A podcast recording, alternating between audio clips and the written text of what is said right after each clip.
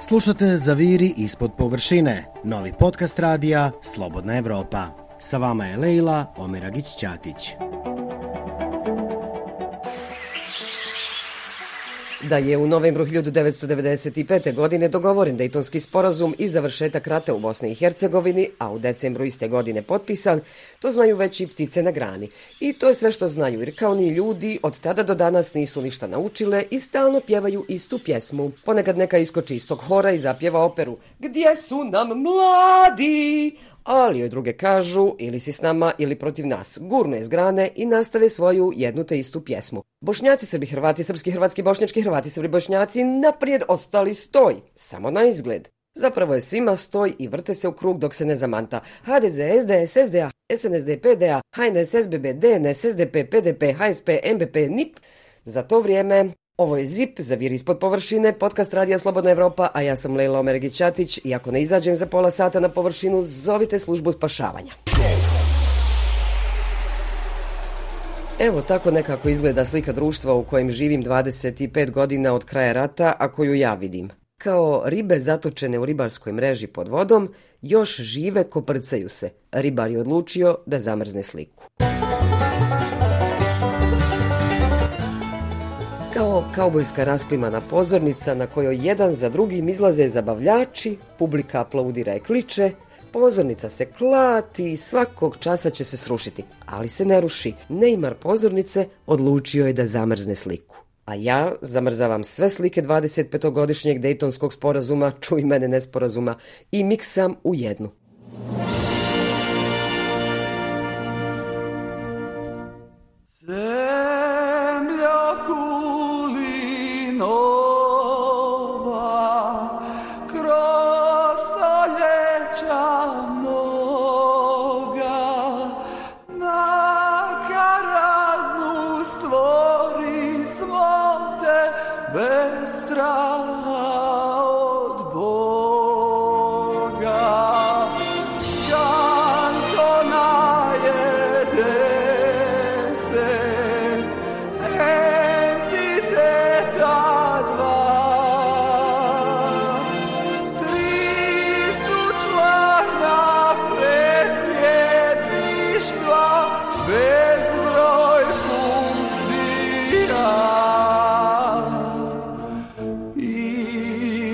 visoki predstavnik je najviši od svih.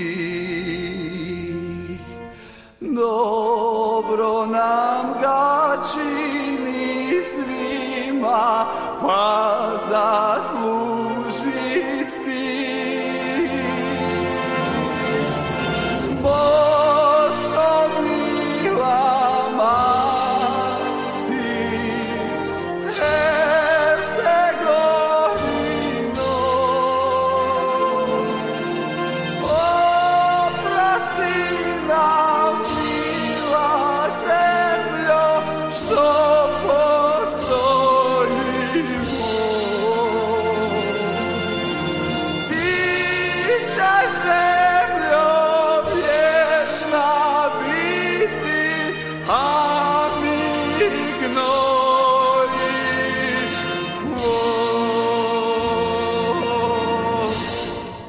tako je nekadašnji sarajevski radijski urednik Zoka Ćatić, a u slobodno vrijeme i moj suprug prije 15 godina odlučio da napiše aktuelan tekst da bi imao šta da pjeva, odnosno kako ne bi okao himnu. O, Zvanični tekst himne Bosna i Hercegovina još uvijek nema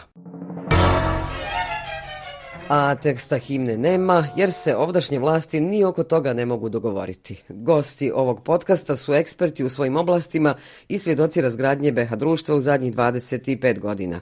U pitanju su ključni segmenti zdravstveni, obrazovni i ekonomski sistem kao i snažna sociološka analiza. Sve to što je uzročno posljedične vezi potrgano je po šavovima i u rukama političkih centara moći, a ne pravne države i ne u službi društva. Čuvaj zdravlje, kažemo jedni drugima. To ti je najvažnije. Pa da čujemo pregled četvrt vijeka zdravstvenog sistema što je u tri minute secirao infektolog u penziji i bivši direktor opšte bolnice u Sarajevu Bakir Nakaš. Pa zdravstveni sistem je slijedio e, Dejtonsku organizaciju Bosne i Hercegovine. Imajući u vidu sve ono što se dešava sa državom i sve slabosti koje država pokazuje i koje su evidentne, također i zdravstveni sistem slijedi taj tok e, kao i obrazovni sistem, tako da mi danas e, imamo jedan zdravstveni sistem koji je nefunkcionalan u onom smislu u odnosu na sistem koji je bio do 90. godina kada smo imali jedinstven zdravstveni sistem koji je imao organizaciju i subordinaciju od vrha pa do e, zadnjeg uposlenika u zdravstvu. Ono što, nažalost, za društvo danas nije dobro jeste da ova rascijepkanost dovodi nas u situaciju da ne možemo sa sigurnošću da tvrdimo da u svakom trenutku kada nam je potrebna zdravstvena usluga da ćemo je dobiti na način kako smo je ranije dobivali, jednostavno iz nedostatka koordinacije i pravovremenih odnosa koji bi bili da je zdravstveni sistem jedinstveni cjelovit.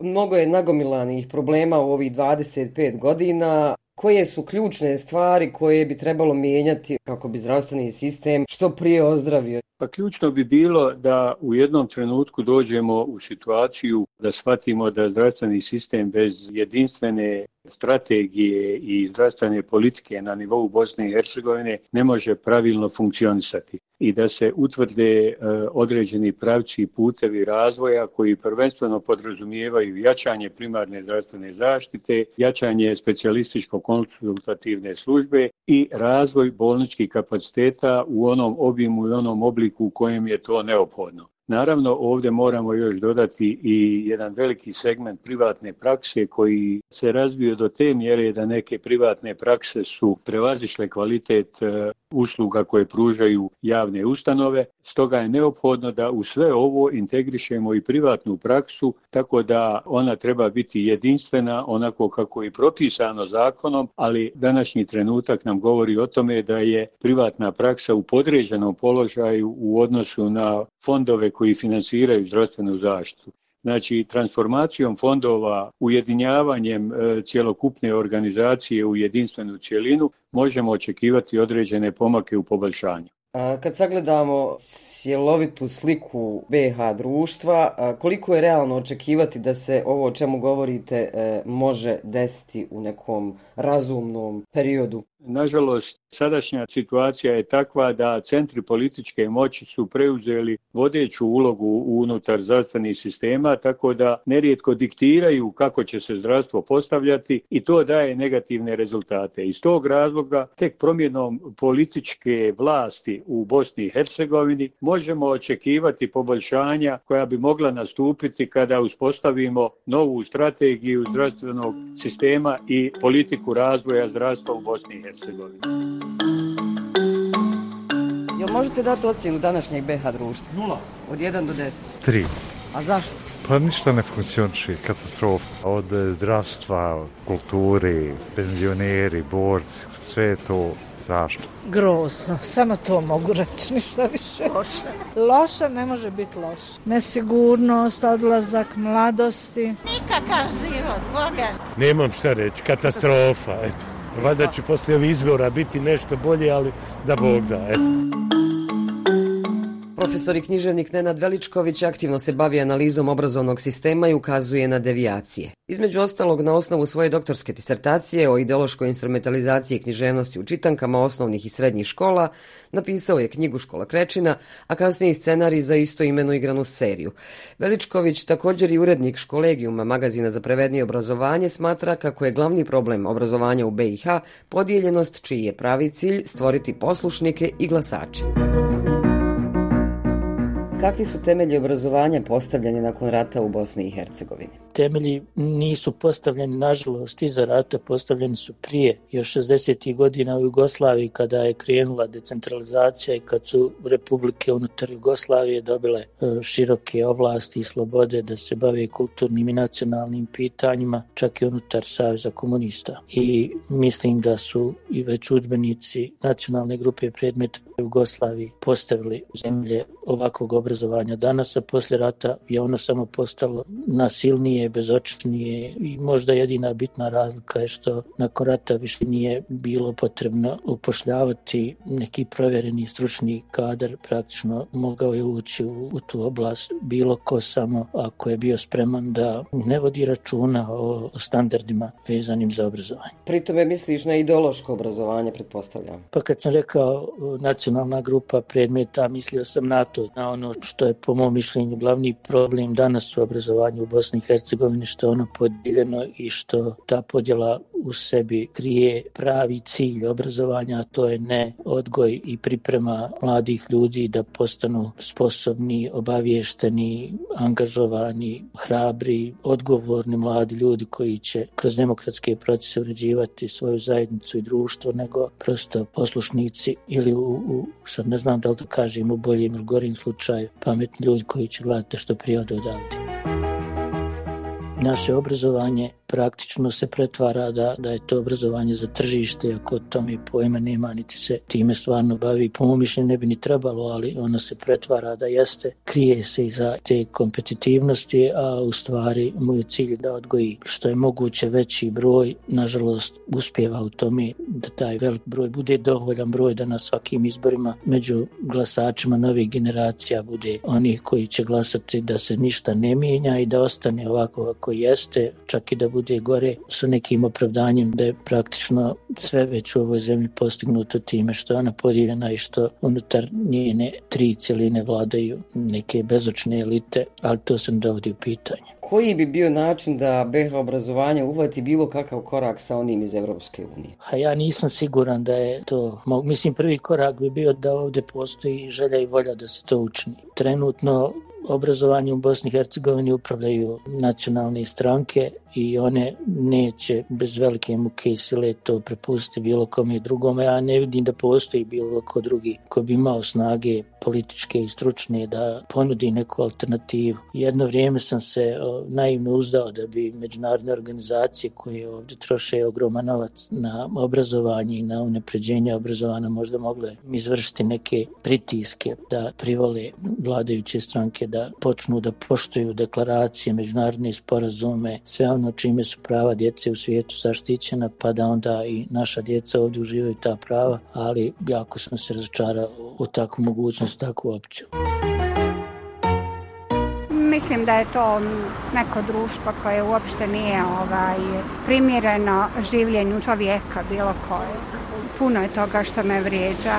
Prvenstveno odnos prema žiteljima ove zemlje. Vrijeđaju me nacionalističke razne razne izjave. Mnogo što što je toga. Mi smo jedno, loši ljudi, izuzetno loši ljudi. To je pokazalo ovo vrijeme čitavo. Dakle, sve uzročno posljedičnoj vezi, a zdravo društvo počiva na zdravoj ekonomiji i razvoju privrede. Ali kako da bude zdrava ako nas proždrljivo guta korupcija? Pljačkaška privatizacija, užasna retorika i kleptokratija te socijalno raslojavanje karakterišu ekonomsku sliku BH društva, navodi ekonomistica Svetlana Cenić i podsjeća da je u ovih 25 godina bilo i boljih ekonomskih vremena uz razgovore i saradnju vlasti. Bosna i Hercegovina još nije dostigla pretratni bruto domaći proizvod. To pokazuje da sve one silne reforme, sve ono što su bila zapravo nametnuta rešenja i izvana, ništa nije plot domaće pameti, e, nešto je uspelo, sve je ostalo neuspešno pa i model privatizacije koji smo imali neposredno iza rata, koji se dešavao bez vladavine prava, pa smo dobili pljačkašku privatizaciju i bogaćenje e, novo komponovanih političara i svi veće socijalno raslojavanje. E, sada gdje smo vidi se i po tome što i bez pandemije, znači pre pandemije ekonomija Bosne i Hercegovine je počela da stagnira, uveliko ona stagnira dugo, ali počela da stagnira je li u prošloj godini bio pad industrijske proizvodnje 5,5%, to nešto govori. A loš kvalitet statistike i dalje šminka stvarnosti ubeđuje ljudi da su siti i onda kad su gladni loša statistika, loša rešenja, nema domaći pameti, nakaradno postavljena ekonomska rešenja, nekoordinisana ni u kom slučaju, tako da je strašno snaći se uopšte u Bosni i Hercegovini, a užasna retorika, gora čak i od one iz 96. godine, ako sve im da uporedim, jer se dobro sjećam, doprinosi još većoj nesigurnosti, nestabilnosti i nepoverenje u institucije šta valja činiti. To svi znamo, a to znaju i oni koji su radili analizu, ali nikad nisu objavljivali, da je najveći rast, pa i razvoj, jer ovde rast ne znači razvoj u uslovima užasne korupcije i kleptokratije, ali znaju oni koji su radili sve te analize da smo najbolji rast i razvoj imali u periodima kada su vlasti na svim nivoima razgovarale, sarađivale i nije bilo ovakve retorike. Čim počne ovakva retorika, bez obzira na koje kakve reformske agende, buldožere, reformske agende 2, pisma namere, nema šta nije bilo, ništa se s tim ne desi, nikada nije ispunjeno. I samo podsjećam da stagnacija, kočenje, kriziranje, ne znam šta više se ne dešava, posebno je se pogoršalo dolazko Milorada Dodika na vlast 2006. godine kada je počelo te sa Harisom Silajčićem, te sa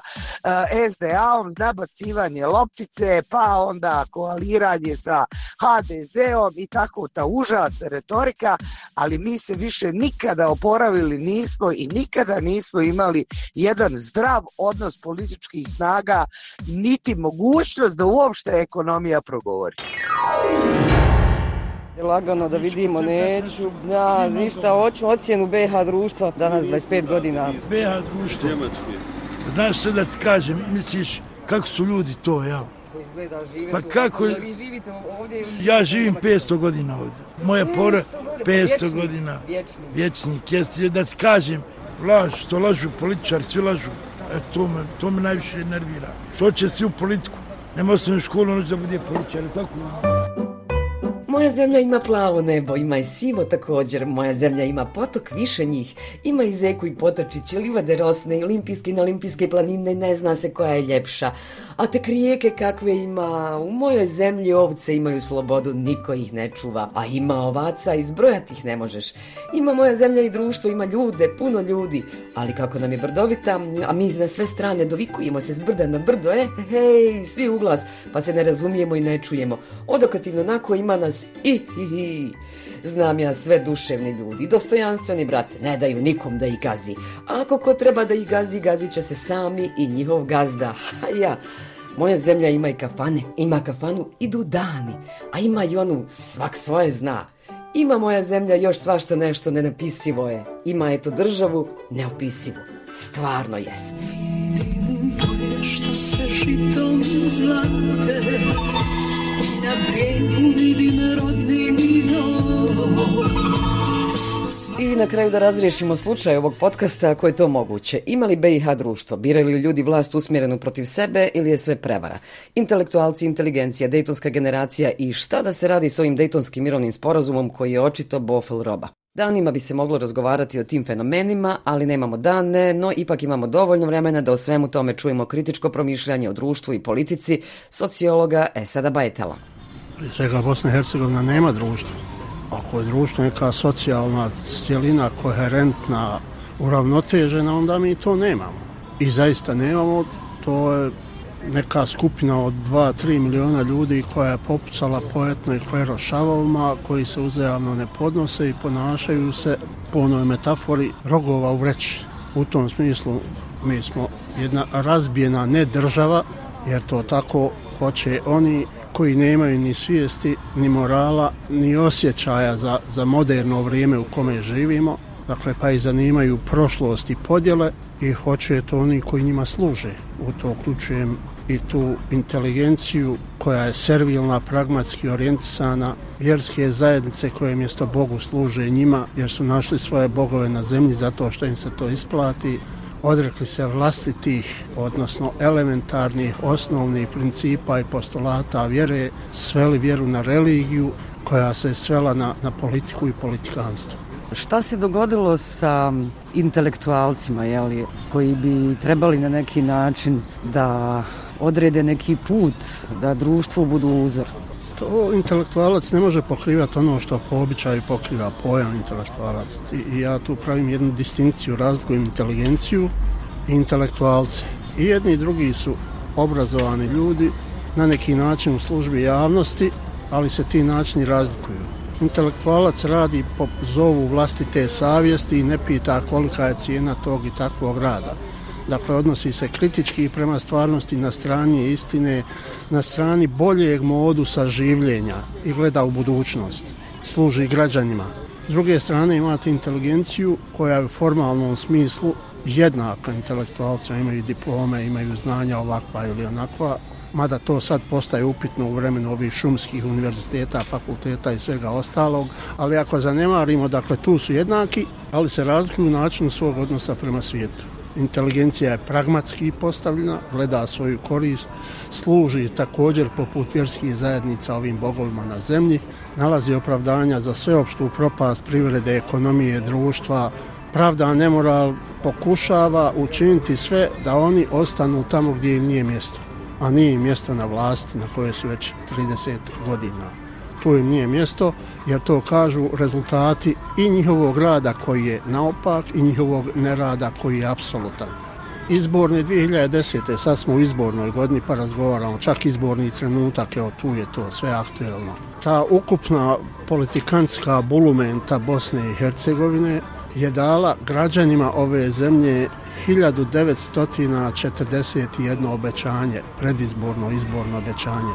Do narednih izbora, do 2014. dakle za vrijeme mandata ispunili su samo slovovim brojem 48 obećanja. To znači nisu ništa radili. Mi smo za te četiri godine pali još niže u privredno, ekonomskom i svakom drugom pogledu. Oni su ponovo na vlasti i ponovo su na vlasti ti isti 2018. I ponovo se evo sad u ovom trenutku bore za istu tu vlast na nižoj lokalnoj razini. E sad hoću da vas pitam, nameće se jeli, pitanje kako stanovnici ove zemlje neprestano izražavaju nezadovoljstvo kvalitetom svog života i kako to da od izbora do izbora stalno ponavljaju iste greške ili oni ne misle da su greške, dakle sami su kreirali takvu političku mrežu, usmjerena je protiv kvalitete njihovog života, kako to da se neprestano ponavlja? Ponavlja se zahvaljujući dakle, u jednoj rečenici metodu izbornog inženjeringa. Građani nemaju šansu da na izborima pokažu svoje nezadovoljstvo nemaju šansu. Sad sam rekao, obećanja i obećanja koja se onda krše, ne ispunjavaju se, građanima je sve teže i teže i nemoguće je logički, moralno, kako god pogledate da biraju upravo one koji su ih doveli tu gdje su ih doveli. A doveli su ih da su sa najmanjom kupovnom moći u Evropi, da imaju istovremeno svoje narodne poslanike, poslanike, paste, dakle narod ih poslao, zastupnike da ga zastupaju, skupio ih na jedno mjesto u skupštinu. Vidite vi kako jezik govori ko bi i šta bi oni trebali da budu. Oni sve to nisu. Niti zastupaju narod, zastupaju sebe i vlastite interese i zato je društvo tu gdje jeste, odnosno država tu gdje jeste. Mi smo bogata zemlja. Imamo šume, rijeke, planine, mora, rude, so, ugalj, sve imamo, a siromašna država, odnosno država siromašnih građana. Kako je moguće da siromašni u bogatoj zemlji? Pa tako što je njihovo siromaštvo, odnosno naše siromaštvo je proizvedeno pljačkom, otimačnom i izbornim inženjeringom, sve je prevara kod god pogledate. Izborni rezultati nisu zbir glasova građana, nego zbir izbornog inženjeringa. Na početku ste rekli mi nemamo društvo, jeli, ali imamo li neki socijalni kapital? Dakle, socijalni kapital koji bi se mogao aktivirati u određenom momentu. Trebalo bi da ima. Ako ništa, ogromna nepravda trebala bi biti kohezivni faktor. Ogromno siromaštvo, bijeda, glad, poniženje koje svi građani doživljavaju. Ubiju vam dijete, ne smijete pitati kom je ubio dijete, zovu vas na, na informativni razgovor. Dakle, to, to iskustvo naše od prošle godine, znamo taj slučaj studenta 22-godišnjeg u Banja Luci, jer smo roditelji morali pobjeći iz ove zemlje, pobjeć doslovno, da bi se spasli progone informativnih razgovora, samo zato što su zajedno s građanima tražili i pitali ko i zašto mi je ubio dijete. Ne možete dobiti odgovor. Oni koji to rade, koji su ih otjerali, koji su im ubili dijete, koji mi ne daju da i zabranjuju da pitaju koji im je ubio dijete, izdaju se za čuvare vitalnog nacionalnog interesa, za velike patriote. Dakle, mi živimo jednu prevaru koja je pojela i taj socijalni, potencijalni socijalni kapital. Glas koji nepravda pobuđuje svugdje u svijetu, koji izvodi unutarnji glas, glas savjesti, glas nezadovoljstva, to je možda najbolja definicija tog kapitala, potencijalnog socijalnog kapitala. Glas nezadovoljstva ovdje nema snagu da izvede građane na asfalt, jer završe onda onako kako su završili 2014. godine. Progon, policija, pendrećenje. Očito smo u nekakvom vrzinom kolu. Ovaj, na koji način stvoriti nove i, i, i bolje vrijednosti? Ovde to i iznutra nije moguće. To ne znači da nije nikako moguće.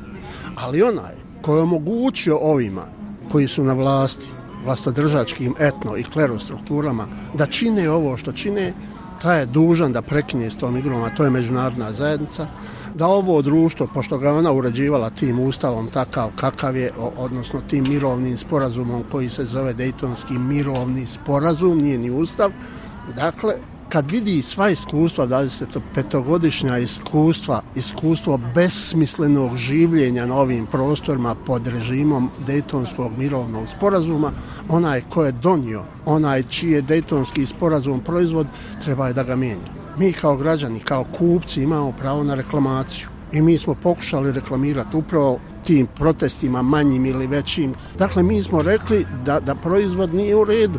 Ako ne možete da ga popravite, a probali su intervencijama visokih predstavnika, jel tako bilo je pokušaj ove i one vrste bolonjskim ovlastima, intervencijama, sve su pokušali.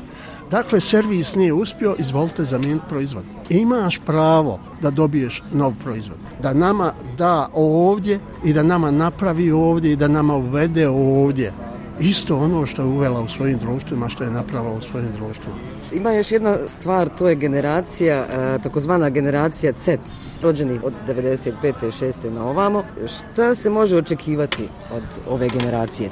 A šta možete očekivati ako je modelovana, ako je instruirana, ako je manipulisana, ako je idejna uokvirena od obdaništa pa do univerziteta, čak i na univerzitetu? Dakle, na liniji tih klero i etno podjela, oni su tako obrazovani, tako vaspitani, što je najgore vaspitna, odgojna komponenta je važnija od obrazovne, od informacije, od znanja. Jer samo vaspitan čovjek svoje znanje neće upotrijebiti. Ključna tačka preokreta, koja bi bila? To bi bio moralni moment, ali ga je nemoguće izvesti ovim uslovima.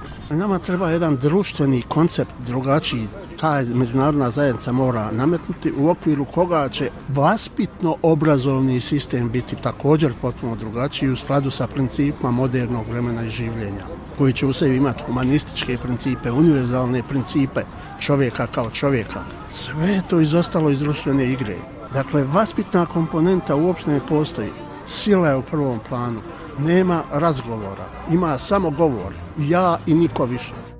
U razgovoru sa sociologom Esadom Bajtelom pomenula sam generaciju Z kod nas u žargonu poznatiju kao Dejtonsku i trebalo bi da stupi na poslovnu scenu. Među njima je Amila Omanović, rođena 95. studirala francuski i italijanski jezik i knjiženost u Sarajevu, master radila u Strasburu i Bolonji, a svojim pozivom se bavi nezahvaljujući društvu i državi u kojoj živi. I odrastajući i školujući se u tom društvu, šta bi bila ocjena kvalitete tvog života? E, razmišljala sam da li loše ili jako loše, ali ipak sam odlučila da će to biti loše. Zašto? Pa recimo evo konkretno kad se radi o obrazovanju, ono što je meni uvijek predstavljalo najveću prepreku što sam ja uvijek mrzila kroz cijelo obrazovanje jeste taj enciklopedijski pristup usvajanju znanja gdje je bitno samo koliko ste vi u stanju da zapamtite informacija, e, nije bilo bitno kritičko razmišljanje. Jako smo rijetko bili podsticani na njega. To je odmah nekako nekako vidim kao direktnu poveznicu sa manjkom i, i kreativnosti i maštovitosti i znatiželje kod djece i samim tim nekako svo to znanje i obrazovanje mi djeluje vrlo tromo i, i, i sterilno. Da li ti je data šansa da, da doprineseš nešto društvu i kakvo je stanje po pitanju zapošljavanja? E, nije mi data, data šansa, iako sam se ja trudila i kucala sam na mnoga vrata. Čak i kad sam nudila besplatno da radim, ništa od toga nije bilo. Već sam ja sama nekako stvorila tu svoju šansu. Ta moja prilika ujedno i postala jedna moja poslovna prilika. I šta ima generacija Z u razvijenom svijetu za razliku od naše Daytonske Z generacije? Ono što mi prvo pada na pamet jeste da kažem sve. Imala je Mila još da nabraja, ali to je sve dio onoga što smo čuli od prethodnih sagovornika. Rješenja za BH društvo koje živi u državi legalnih diskriminacija i absurda naravno da ima, i to demokratskog. Zato služi izlazak na izbore, masovni. Ovo je podcast Zip zaviri ispod površine, ja sam Lila Omeregić-Ćatić, slušajte me ponovo na slobodnaevropa.org.